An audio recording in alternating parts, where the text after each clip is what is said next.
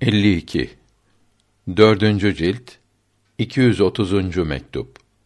Bu mektubu babasının üstadı Muhammed Baki Billah'ın kuddise sirruh oğlu Hace Muhammed Ubeydullah'ın mektubuna cevap olarak yazmış olup vücud-u ilahinin zat ile aynı olup olmadığı ve fen taklitçilerinin tabiatta var olan yok olmaz ve yok olan var olmaz sözlerinin yanlış olduğu ve namazın kemalatı bildirilmektedir. Alemlerin Rabbi, yaratanı ve yetiştireni olan Allahü Teala'ya hamd ederim. Onun sevgili peygamberi Muhammed aleyhisselatu vesselam için ve ona yakın olanların hepsi için dualar ederim.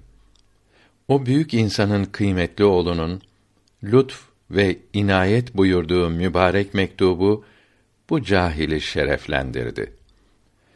Ey merhamet sahibi, alçak gönüllü, yüksek efendim. Vahdet-i vücut meselesi bize dedelerimizden miras kalan bir ilimdir. Bunu tekrar bu muhtaca yazmanız malumu ilam ve belli olan şeyi ishar etmektir. Bundan evvel sizi rahatsız etmekten maksat vahdet-i vücut bilgisinden daha yüksek başka ilimde bulunduğunu bildirmek idi. Bu iki ilim arasındaki fark cevzin kabuğu ile içi arasındaki fark gibidir. Demek ki maksadımız anlaşılmadı. Yazdıklarımız manasız, boş laf sanılmış. Hasbünallah ve ni'mel vekil. Zat-ı ilahi tecelli ettikten sonra sıfatları tecelli etmeye, görünmeye başlar ki bunların tecellilerinin sonu yoktur buyurmuşsunuz. Maksadı yüksek olan kimsenin tecelli zattan sonra tecellilerin arkasını bırakıp tecelli eden zatı araması lazımdır. Sıfatların tecellilerine niçin tenezzül etsin? Bu yolda nihayete kadar yükseldikten ve geri dönüp tamamen indikten sonra hiçbir şeye benzemeyen hakiki varlık bu kainatın her zerresinde her bakımdan münezzeh olarak bir şeye benzetilmeyerek görülür demeye cesaret etmek de ne kadar ağır ve çirkindir. Her zerrede görülenin mutlak hakiki olan zat-ı ilahi olduğunu nereden anladınız? Farisi Mısra tercümesi. Rüyada meğer fare deve sanıldı. Kevser şarabından elinize yalnız hava girmiş. Taayyünleri hakiki mutlak sanıp bunları başka şeylerden münezzeh bulmuşsunuz. Belki de hakiki mutlakı mukayyetlerin yani taayyünlerin içinde sanmışsınız. Bu hal zat-ı ilahiyeyi yok bilmek olur. Nitekim bunu evvelki mektubumda bildirmiştim. Böyle olsa bile mutlak olan hakikiye aşık kimse mukayyetler onun aynı olsa bile mukayyetlere bağlanıp kalmaz. Mukayyetler mutlakın aynı olsa da her biri ayrıdır, farklıdır. Bunları birbirlerine karıştırıp birine tutulmayı, ötekine tutulmak bilmek kısa görüşlülüktür. Evet, orada ayrılık, farklılık yok ise de fakat bu iki iptila arasında çok fark vardır. Hayvan isteyen biri her ikisi de hayvan olduğu halde at yerine koyunu istemez. Halbuki hayvanlık ikisinde de aynıdır. Hayvanlık mertebesinde ayrılık yoktur. Büyük üstad Behaeddin Buhari'nin Kuddise sirru sözüne mana verirken gayrı olmak hakkın başkası değil, matlubun başkasıdır demişsiniz. Bu yukarıdakine uygun olmuyor. Her zerrede hakiki mutlakın varlığı görününce matlubun başkası nasıl olur ve nasıl nef ve red olunur? Gayr kelimesine kullanılana uymayan bir mana vermek de doğru değildir. Evet, o büyük üstad yalnız vahdet-i vücudu tadanlardan olsaydı sözüne mana aramanın yeri olurdu. Mübarek sözlerinde bulunan mutlak yani her bakımdan mahluklara benzemeyen kelimesi la teayyün ve gayb-i hüviyet mertebesidir. Çünkü hakiki mutlak her bakımdan tecerrüt ve tenezzüh ile bu mertebeye uygundur. İşte bu yolun büyükleri ilmin, marifetin ve müşahedenin yetişemeyeceği böyle münezzeh mertebeyi istemeyi men ediyor ve bunu talep etmeyi vakit öldürmek sayıyorlar. O halde bunun her zerrede görülmesini söylemek manasız olur. Onda ayrılık olmayınca ve her görülen o olunca onun şevki ve talebi men olunur mu? Eğer murat vahdet mertebesi ise bu mertebe bir bakımdan mutlaktır. Her bakımdan mutlak olan daha üstündeki mertebedir. O halde vahdet mertebesine hakiki mutlak demek uygun değildir. Matlup bundan sonradır ve salik henüz yoldadır. Böylece matlubu bırakıp da yolda kalmak tam bir isteğe uymaz. Her ne kadar bu teayyüne müteayyinden başka demiyorlarsa da taayyün taayyündür. Himmeti, arzusu yüksek olan aldanıp burada kalmaz. Muhammed aleyhisselam'ın yolunda yükselenler bu yol mahbubluk, maşukluk yolu olduğu için burada kalmaz. Bu taayyünün bütün eşya ile aynı olması ve gayrı olmaması sebebiyle la teayyünün talebinden mahrum kalmazlar. Farisi Beyt tercümesi Dostun firakı az sürse de az değildir. Gözde bir kılın bulunması çok ağır gelir. Sual Bu teayyün müteayyinin kendisidir. O halde birini bulup görmek, ötekini bulup görmek olmaz mı? Cevap Bu teayyünü bulmak, onu bulmuş olmak ise niçin bunun üstünü aramaktan korkutuyor ve men ediyorlar? Demek ki bu iki mertebeyi bulmak başka başkadır. O memnu oldu, bu ise men edilmedi. Sual O mertebe bulunamaz ve kavuşulamaz olunca niçin ona aşık oluyorlar? Onu aramakla vakit kaybediyorlar.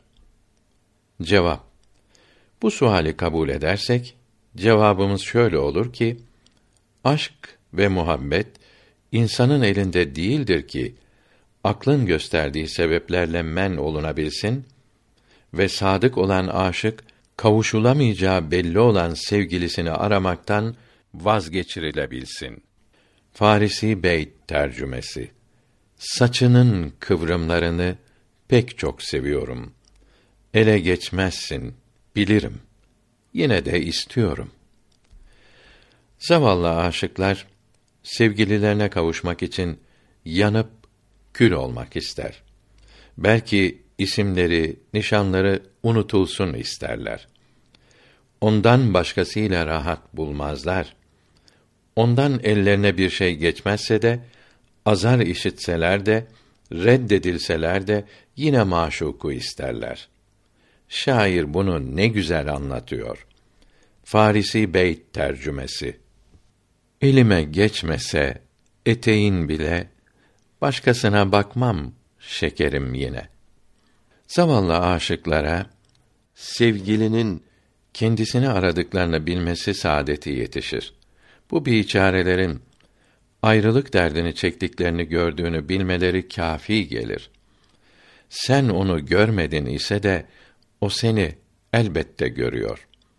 Çok olur ki aşktan maksat dert ve gam çekmektir. Kavuşmak hiç hatıra gelmez. Bu aramak derdine nasıl vakt öldürmek denebilir ki bu dert ve elem o zavallı aşıkın ömrünün sermayesi olmuştur. Farisi Beyt tercümesi Derdi gamın olmadan geçen ömrüme yazık yüzlerce keşke gamına yakalanmış olsaydım daha evvelce. Bu marifetin tanımanın hassaları, alametleri vardır buyurmuşsunuz. Tevhid hakikatte şuhudidir, görmektedir. Vücudi yani hakikatte mevcut değildir ki bu alametlerin hasıl olması lazım gelsin. Tevhid hallerinin hepsi salikin görüşüdür. Onun sıfatları değişmez. Allahü Teala'nın sıfatları haline dönmez. Hakikatleri değişmez. Mümkinin yani mahlukun sıfatları Allahü Teala'nın sıfatlarının aynı olabilseydi Muhammed aleyhisselam'ın hidayeti Allahü Teala'nın hidayeti olurdu. Halbuki Allahü Teala ey Habibim sallallahu aleyhi ve sellem sen sevdiğini hidayete doğru yola getiremezsin. Fakat Allahü Teala istediğine hidayet ihsan eder buyurdu. Bunun gibi hadisi i şerifte siz dünya işlerinizi daha iyi bilirsiniz buyuruldu. Bunlar ne demektir? Peygamberimiz sallallahu aleyhi ve sellem ilmi ilahi için bu sözü söyleyebilir miydi? Bunun gibi sen gaybı bilmiş olsaydın ve bana ve size ne yapacağını bilmem mealindeki ayet-i kerimeler bunu hikaye buyuruyor. Bunların hepsi mahlukla Halık'ın sıfatlarını ayırmıyor mu? Burada elverişli olan saliklere çok faydeler vardır. Çünkü seyr-ü sülükten yani tasavvuf yolunda yürümekten ve riyazet, mücahede, sıkıntı çekmekten maksat Allahü Teala'dan başka her şeyin sevgisinden kurtulmaktır. Bu da tevhid-i şuhudi ile hasıl oluyor. Bütün bu uğraşmalar kulluğun, aczin, zavallılığın meydana çıkması ve hiç olduğumuzun anlaşılması içindir. Yoksa kulluktan kurtulmak için ve haşa Allah olmak için ve onun zatının kemalatına kavuşmak için değildir. Bunları istemek benlik ve kendini büyük bilmek olur. Büyük üstad buyurdu ki, kulluk ile sahiplik, amirlik ve memurluk bir arada olamaz. Vahdet mertebesinde hakiki fani olmak bu yolun nihayetidir sözüne gelince vahdet-i vücut erbabı hep enfüse aşık olduklarından kemal üzere fani olacakları söylenebilir mi? Fani olmak demek Allahü Teala'dan başka her şeyin sevgisinden kurtulmak demektir. Halbuki bunlar her an her zerreye aşıktır. Her ne kadar zerreleri ondan başka bilmezler ise de hakikatte o değildirler. Onun gayrısından tamamen ayrılmak ve yok olmak için bu girdaptan kurtulmak, onu afak ve enfüsün dışında aramak lazımdır. Yahut şöyle cevap veririz ki, bu hassalara ve alametlere malik olmak, bu fenada olmuyor. Beka makamında hasıl oluyor. Çünkü fena ve yok olmak zamanında mahlukat bilinmiyor. Mahluklar madde ve sıfat halinde olmuyor. O halde tevhid mertebesinin nihayetine yetişip hakiki fena hasıl olur da kendisinde bu alametlerden hiçbirisi bulunmayabilir. Bu alametlerin hasıl olması nihayet ve kemal olursa fena bulmayan nihayet demek nasıl doğru olur? Asıl sözümüze dönelim. Mümkinatın, mahlukatın varlığı olsaydı, o zaman fenayı vücudi olurdu. Halbuki onların vücutleri yalnız görünüştedir. Emanet bırakılan şey emanetçinin olmaz, sahibinindir. Burada ilmin değişmesinden başka bir şey yoktur. Fakat kulumu beni zannettiği gibi karşılarım buyurduğu için burada da bu tevhid-i şuhudi olgunlaştıkça salike daha başka muamele ederler. Bu alametleri daha çok hasıl ederler. Başkaları bu muamelelere inanmayabilir. Çünkü onlar tevhid yolunda henüz ilerlemektedir. Halbuki bunlar tevhidin hakikatlerine varmış ve inceliklerine öyle dalmışlar ki özüne işlemişler, yüksek derecesine ermişlerdir. Sonra Allahü Teala'nın imdadıyla bu makamı geçerek peygamberler aleyhisselam için ayrılmış olan ilmlere kavuşmuşlardır. Ey merhametli kardeşim! Tevhid-i vücudi marifetlerinden bildiklerinizi yazınız ki bunlar kıymetli hallerdir. Bunlara kim ne diyebilir?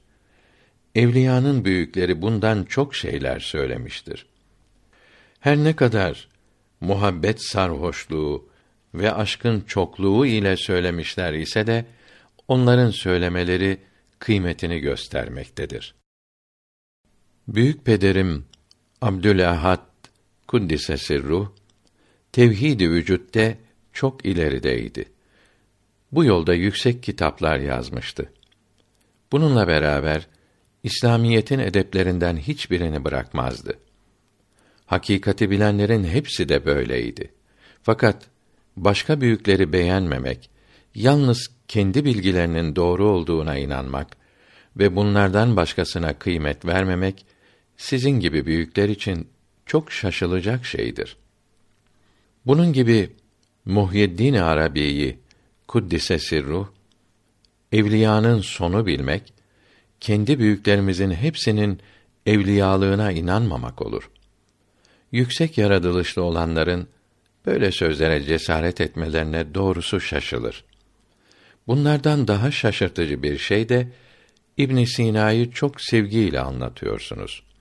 Halbuki onun bozuk inanışları ehli sünnet itikadına uygun değildir ve kâfirliğine ve dalaletine sebep olmuştur. İmamı Gazali rahmetullahi aleyh eski Yunan felsefecilerinin sözlerini bildirdikten sonra onlar ve onların yolunda bulunanlar ve mesela Farabi ve İbn Sina kâfir olmuşlardır diyor. O halde bu kâfirlerin ve Avrupa'daki inkılap önderlerinin kitaplarında ve tercümelerinde bulunan din hakkındaki cahilce uydurma zehirli yazılara inanmamalı, aldanmamalıdır. İbn Sina'nın felsefeci görüşüyle yazdığı namaz kitabını okumamalıdır. İmam-ı Rabbani rahmetullahi teala aleyh Mearif ile Dünniye kitabının sonunda İbn Sina'nın Müstezat kitabından parçalar yazarak bunların küfr ve zındıklık olduğunu bildirmektedir. Peygamberimiz sallallahu aleyhi ve sellem büyüklerden birine rüyada İbn Sina için Allahü Teala onu ilmiyle dalalete götürmüştür buyurmuştur.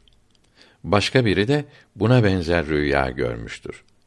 Böyle sözleri yabancılardan duysaydık bu kadar şaşmazdık. Fakat sizin gibi zatlardan bu gibi sözlerden az bir şeyin hürmetkarlarınızın kulaklarına çarpması ne kadar şaşırtsa yeri vardır. Şaşkınlıkla bu yazılara cesaret olundu. Af buyurmanızı ümmid ederim. Efendim, ariflerin reisi olan yüksek üstadımız, dinin müeyyidi, vefat edecekleri zaman buyurmuştu ki, iyi anladım ki, tevhid dar bir yol imiş, geniş cadde başka imiş. Mektubunuzda onlar, yani Muhammed Baki, Kuddise Sirru, kesrette vahdeti görmek mertebesindeydi buyuruyorsunuz. Şu halde vefatları sırasındaki bu sözlerini ne sebeple söylediklerini duymamış olacaksınız ki buna başka mana vermeye kalkışıyorsunuz. O Hazret yalnız bu sözü söylemedi ki buna mana aranılsın. Zaten manası meydandadır. Manası meydanda olan bir söze başka mana verilmez. Sonra bu sözü de durup dururken söylemediler. Farisi Beyt tercümesi Rahat bir gece ve hoş mehtap bul bana, O zaman söyleyeyim bak her şeyi sana. O böyle söyleyince ve bu makamda olunca sizin ona yani babanıza herkesten daha çok uymanız lazımdır. Keşfe hale kapılsanız da üstadınızın yolundan ayrılmamalısınız. Bu marifetler, bilgiler akla da naklolunan haberlere de uygundur buyuruyorsunuz. Burada gösterdiğiniz haberlerin çoğu müteşabihat kısmındandır. Yani manaları diğer meşhur haberlere uymayıp başka mana verilmesi lazım olan haberlerdir. Aklın kabul etmesi de aklın ereceği, anlayacağı şeylerdedir. Akıl kuşu tevhid mertebesine uçamıyor ve buradan haber alamıyor. Derin alimlerden Celaleddin Devani rahmetullahi teala aleyh buyuruyor ki bu mesele akıl çerçevesinin dışındadır. Mevlana Abdurrahman Camii rahmetullahi teala aleyh buyuruyor ki aklın dışında olan şeyler keşf ve müşahede ile yani kalp gözü ile görülür. Akıl bunları anlayamaz. His uzuvları da aklın anladığı şeyleri anlayamıyor. İşte keşf ve müşahede yoluyla anlaşılmıştır ki varlığı lazım olan hakiki varlık ne küllidir ne de cüz'idir. Yani ne parçalanamayan bir zerredir ne de parçalanabilen bir topluluktur. Maddiciler diyor ki yok olan var olmaz ve var olan da yok olmaz. Bunu ispat etmeye lüzum bile yoktur. Bunu herkes bulabilir. Bu sözleri insanlar için doğrudur. İnsanlar elbette bir şeyi yoktan var edemez. Hiçbir şey yaratamaz. Fakat bu sözü Allahü Teala için söylemek yanlıştır. Herkes değil, kimse böyle söylemez ve ispata gelmez, vehim ve hayaldir. Allahü Teala'nın kudretine inanmamaktır. Allahü Teala'nın yoktan var etmesi ve bütün alemleri hiçten yaratması ve hepsini yok etmesi onun kudretine göre şaşılacak bir şey değildir. Bunu söylemek alemin kadim olduğunu, yoktan sonradan yaratılmadığını söylemek demektir ki küfürdür. Çünkü kainatın bütün zerreleriyle yoktan var edildiğini bütün dinler söz birliğiyle bildirmiştir. İnsan düşünmüyor mu ki biz onu önceden yarattık. Halbuki o bir şey değildi. Mealindeki ayet-i kerimeye de uygun değildir. Kur'an-ı Kerim'i tefsir eden büyüklerin başlarının tacı Kadi Beydavi rahmetullahi teala aleyh tefsirinde insan adem idi. Yani yok idi diye mana vermiştir. Bu sözleri hem de Allahü Teala'nın bir şey yapmayacağını bildirir. Çünkü yok olanı var etmiyor diyorlar. Var olanın var edilmesi de olmaz. Onların dedikleri gibi var olan yok olmaz ise varlıkların varlıkta kalabilmeleri için de yaratana ihtiyaçları olmayacaktır. Hatta Allahü Teala eşyayı yok edemeyecektir. Bunlar cisimlerin hassaları, hareketleri için acaba ne diyecek? Bunların her zaman yeniden meydana geldiklerini ve yok olduklarını herkes görüyor. Velhasıl bu sözü söylemek Allahü Teala'yı inkar etmektir. Allahü Teala böyle şeylerden çok yüksektir. Allahü Teala'nın sıfatları kendinin aynıdır demek de ehli sünnete uygun değildir. Tearrüf kitabının sahibi Şeyh Ebu Bekr Muhammed bin Ebi İshak Gülabadi rahmetullahi teala aleyh tasavvuf büyüklerinin hepsi sıfatların onun kendi olmadığı gibi ayrı da olmadığını söylemişlerdir diyor. Bunu kabul etsek bile sıfatların mukabili olan ademlerin adem yok olmak demektir. İlmi ilahideki ayrılıkları bize yetişir. Vücut yani var olmak sıfatının zat-ı ilahiden ayrı olduğunu evvelki mektubumda uzun uzun bildirmiştim. Fakat sırası gelmiş iken burada da kısaca söyleyeyim. Muhterem kardeşim, yaratılışı kusursuz olan ve yakınlığı arayan biri sahih vicdanına yani buluşlarına bakar ve iyi düşünürse anlar ki Allahü Teala'ya kendi varlığında kendinden başkasına muhtaç olmasını ve kendisinde vücut, varlık bulunmamasını, ayrıca vücut sıfatına muhtaç olmasını layık görmez. Fakat yine anlar ki Allahü Teala'nın kendi hakikati ve mahiyeti vücudun, varlığın aynı değildir. Çünkü vücudu, varlığı başkasına muhtaç olmadığı için Allahü Teala'nın hakikati o varlıktan ibarettir demek manasızdır. Kendi varlığı ile hariçte mevcud olan bir zata başkalarına sıfat olan başkaları ile bulunabilen bir kelimeyi isim vermeye ne lüzum vardır? İslamiyet de bu ismi zaten bildirmemiştir.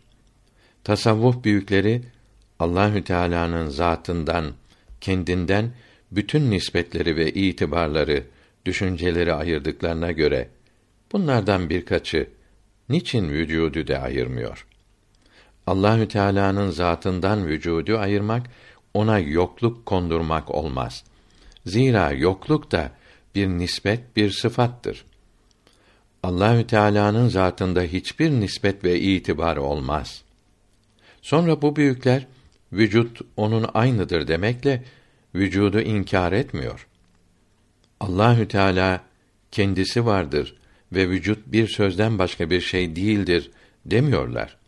Çünkü bu büyükler Allahü Teala'nın hakikati mutlak vücuttur biliyor.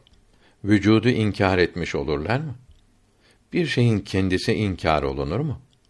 Doğrusu şöyledir ki Allahü Teala'nın hakikati kendisi vücutten başkadır. Kendi varlığında vücut sıfatına muhtaç değildir. Kendi kendine vardır. Onun vücut sıfatına muhtaç olmadığını göstermek için kendisi vücudun aynıdır demeye lüzum yoktur. Kendisi vücut sıfatından daha yüksektir desek ne olur? Allahü Teala'nın adeti şöyledir ki hakikat aleminde ne varsa hepsinin numunesini ve misalini bu mecaz ve görünüş aleminde göstermiştir. Böylece insan bu suretlerden hakikatlere yol bulur. Allahü Teala'nın vücud ile var olmayıp kendi kendine var olmasının da bu dünyadaki örneği vücut sıfatıdır. Varlık sıfatı kendiliğinden vardır. Ayrı bir vücutla mevcut değildir. Allahü Teala kendisi vardır. Sözü de ancak bir bildirmektir. Yoksa kendisiyle olabilen bir vücut vardır demek değildir. Şeyh Eman rahmetullahi teala aleyh Allahü Teala'nın hakikati mevcuttur. Ondan başkası ademdir, yokluktur. Adem ise eşyanın başlangıcı olamaz. Çünkü hakikat değişmez. Yani varlığa sebep olamaz. O halde başlangıç da vücuttur. O da tecezzi ile değil, temessül iledir. Diyor ki, birçok bakımdan doğru değildir. Çünkü evvela deriz ki Allahü Teala'nın hakikati vücuttur demek ehli sünnet itikadına uygun değildir. İkinci cevap olarak deriz ki Allahü Teala'nın sıfatları ehli sünnete göre zatından ayrıdır.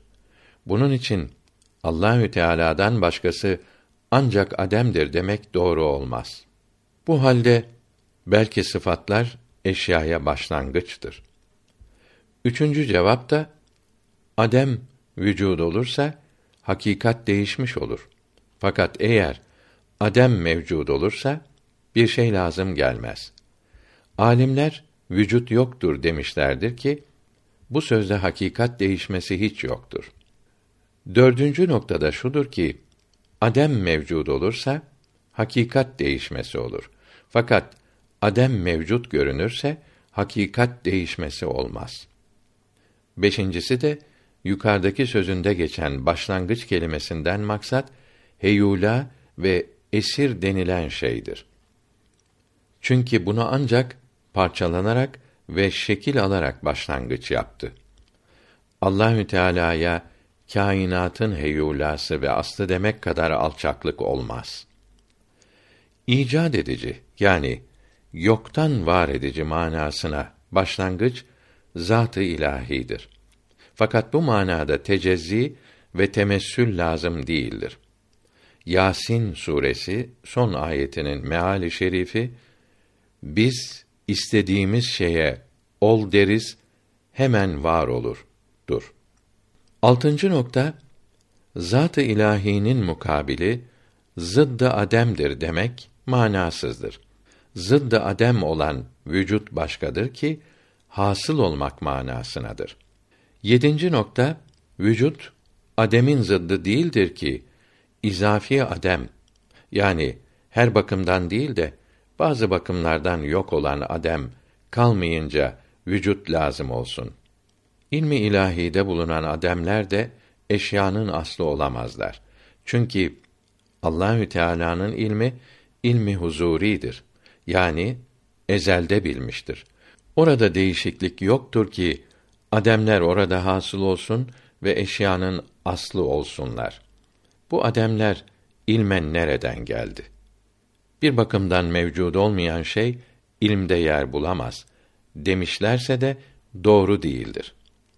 Çünkü evvela Allahü Teala'nın ilmine ister huzuri desinler, ister başka isim versinler, Allahü Teala'nın izafi ademlere ilmi yoktur demek, bunları bilmez demektir. Allahü Teala'ya karşı böyle söylemek yakışmaz. Sonra bir bakımdan mevcud olmayanın malum olmayacağını da kabul etmeyiz. Çünkü birçok şeyleri düşünerek biliriz ki hiçbiri yoktur. Üçüncü olarak deriz ki var olacak şeyler yok iken izafi adem idi. Bunlara her bakımdan yok demek doğru değildir. Sadreddin Konevi Kuddise Sirruh buyuruyor ki şey olmak iki türlüdür. Sabit olan şey, mevcut olan şey. Mevcud olan şey hariçte bulunan şeydir. Sabit olan şey ise ilimde bulunan, hariçte bulunmayan şeydir ve bu şeyin bir yapıcısı yoktur. O halde mutlak madum yani her bakımdan yok olan şey değildir. Çünkü sübutü de vücudu de yoktur. Fakat izafi ademler sabit olan şeydir. Bu şeylikten dolayı bunlara kün yani ol emri veriliyor ve hariçte var oluyorlar. Şeyh Konevi rahmetullahi teala aleyh buyurdu ki Allahü Teala'nın var olacak şeyleri ademdeyken bilmesi, madumu bilmesi değildir. Çünkü böyle sonsuz ademler ümmül kitaptadır.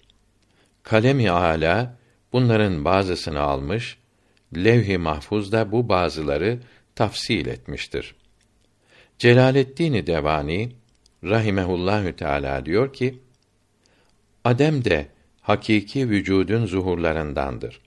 Nitekim İmamı Gazali rahmetullahi teala aleyh bazı kitaplarında buyuruyor ki kainatın aslı ademdir. Ademe merhamet edip vücude getirdiler. Adem aslında yok idi. Önce Adem yaratıldı. Adem'e kadim dersek onu Allahü Teala'ya kadimlikte ortak etmiş oluruz. Demek ki Adem kadim değildir. Kainatın aslı olan Adem kadim olmayınca kainat da kadim olmaz. Hadis olur. Ehli sünnetin madum şey değildir sözünün manası işte budur. Dördüncü olarak deriz ki bu söz kendi kendini bozuyor. Çünkü izafi ademler ilimde bulunur. Eşyanın aslı olamazlar dedi. Sonra da ilm huzuridir diyerek bu sözünü reddetti.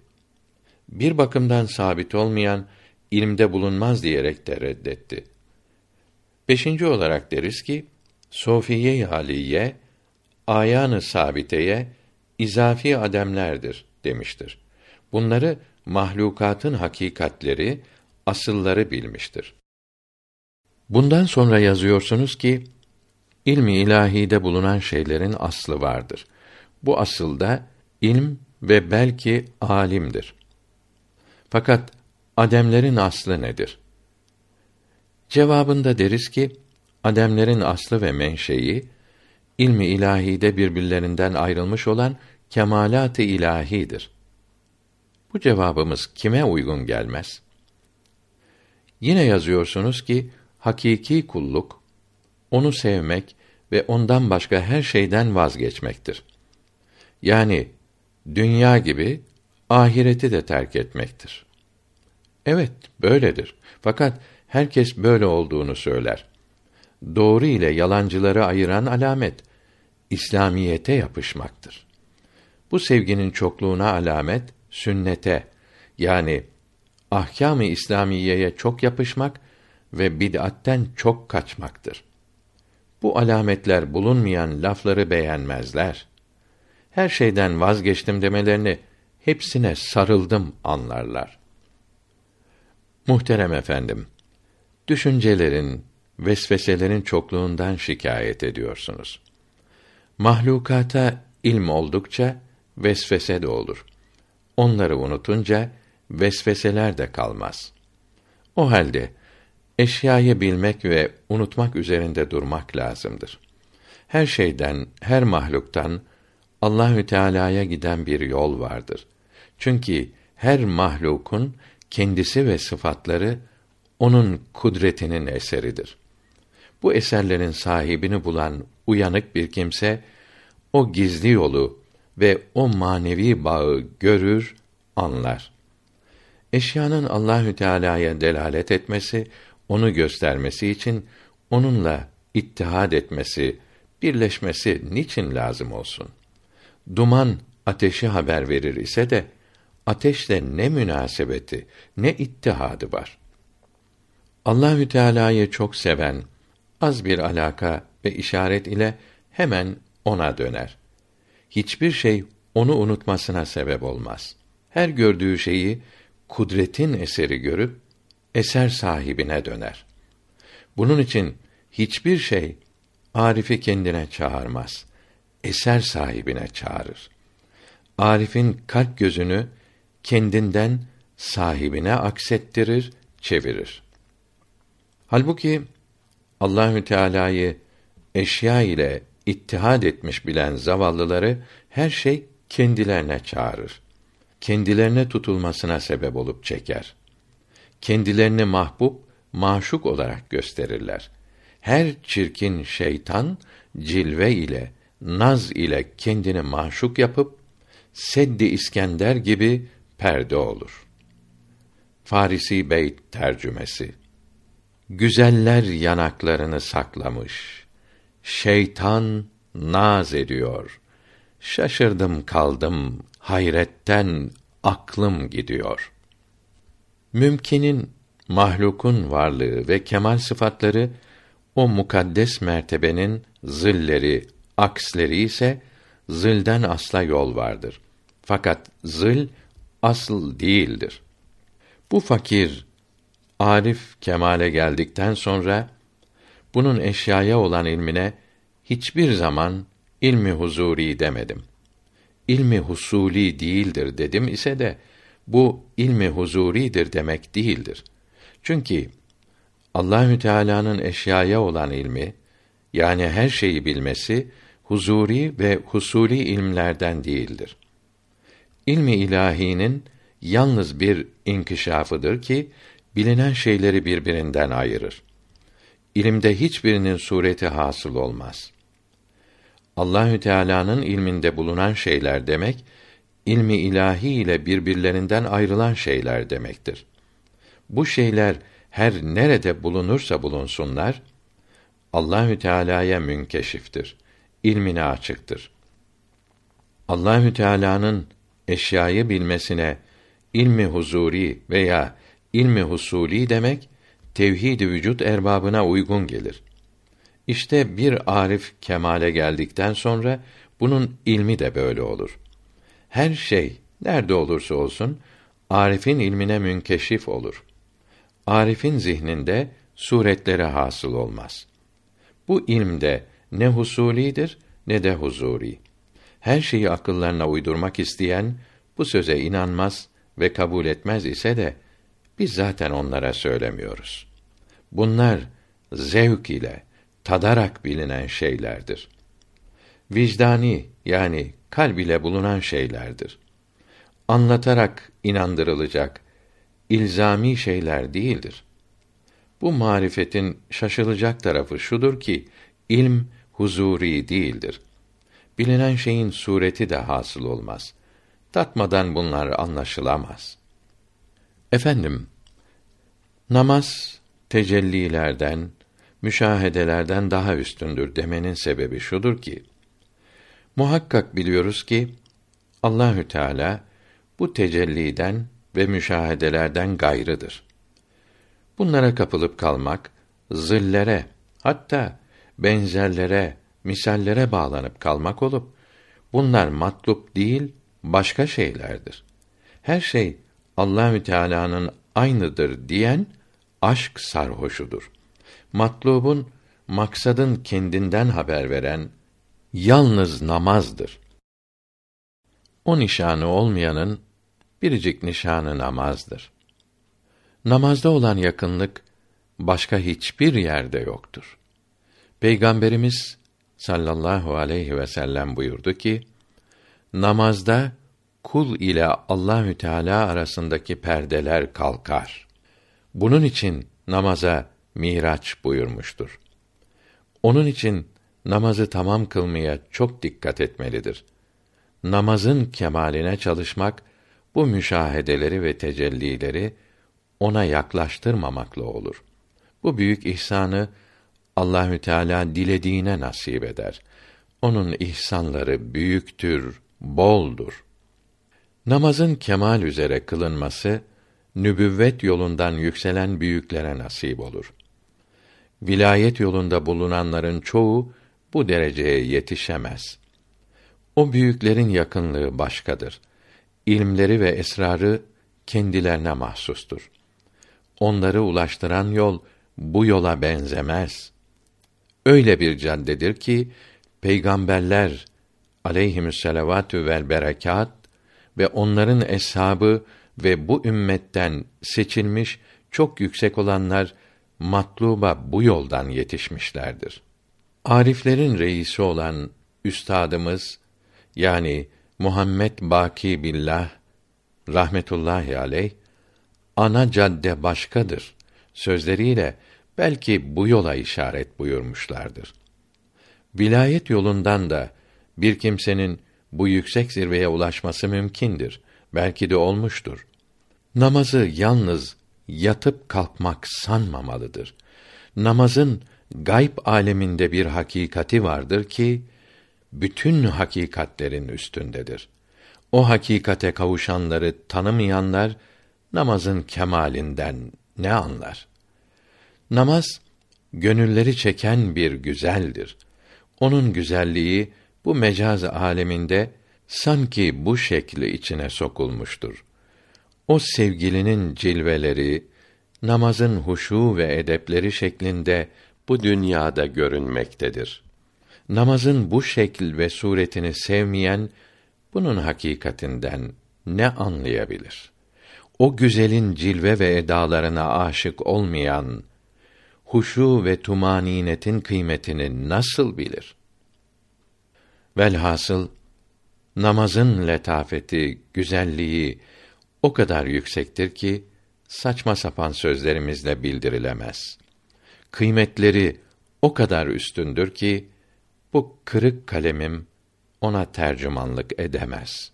Fakat bu büyük devlete sahip olanların nefis nefeslerine sığınıyorum. Onlara hizmet etmeye ve sevmeye karşılık olan müjdelere güveniyorum. Farisi Beyt tercümesi O güzelin saçı avucuma girse misk saçılır elimden. O ay yüzlü kucağıma gelse gün doğar her yerimden. Ya Rabbi, sen onların sandığı ve söylediği gibi değilsin. Seni bize haber veren, bildiren peygamberlere aleyhimüs selavatü ve teslimat selamlar olsun. Selametler olsun.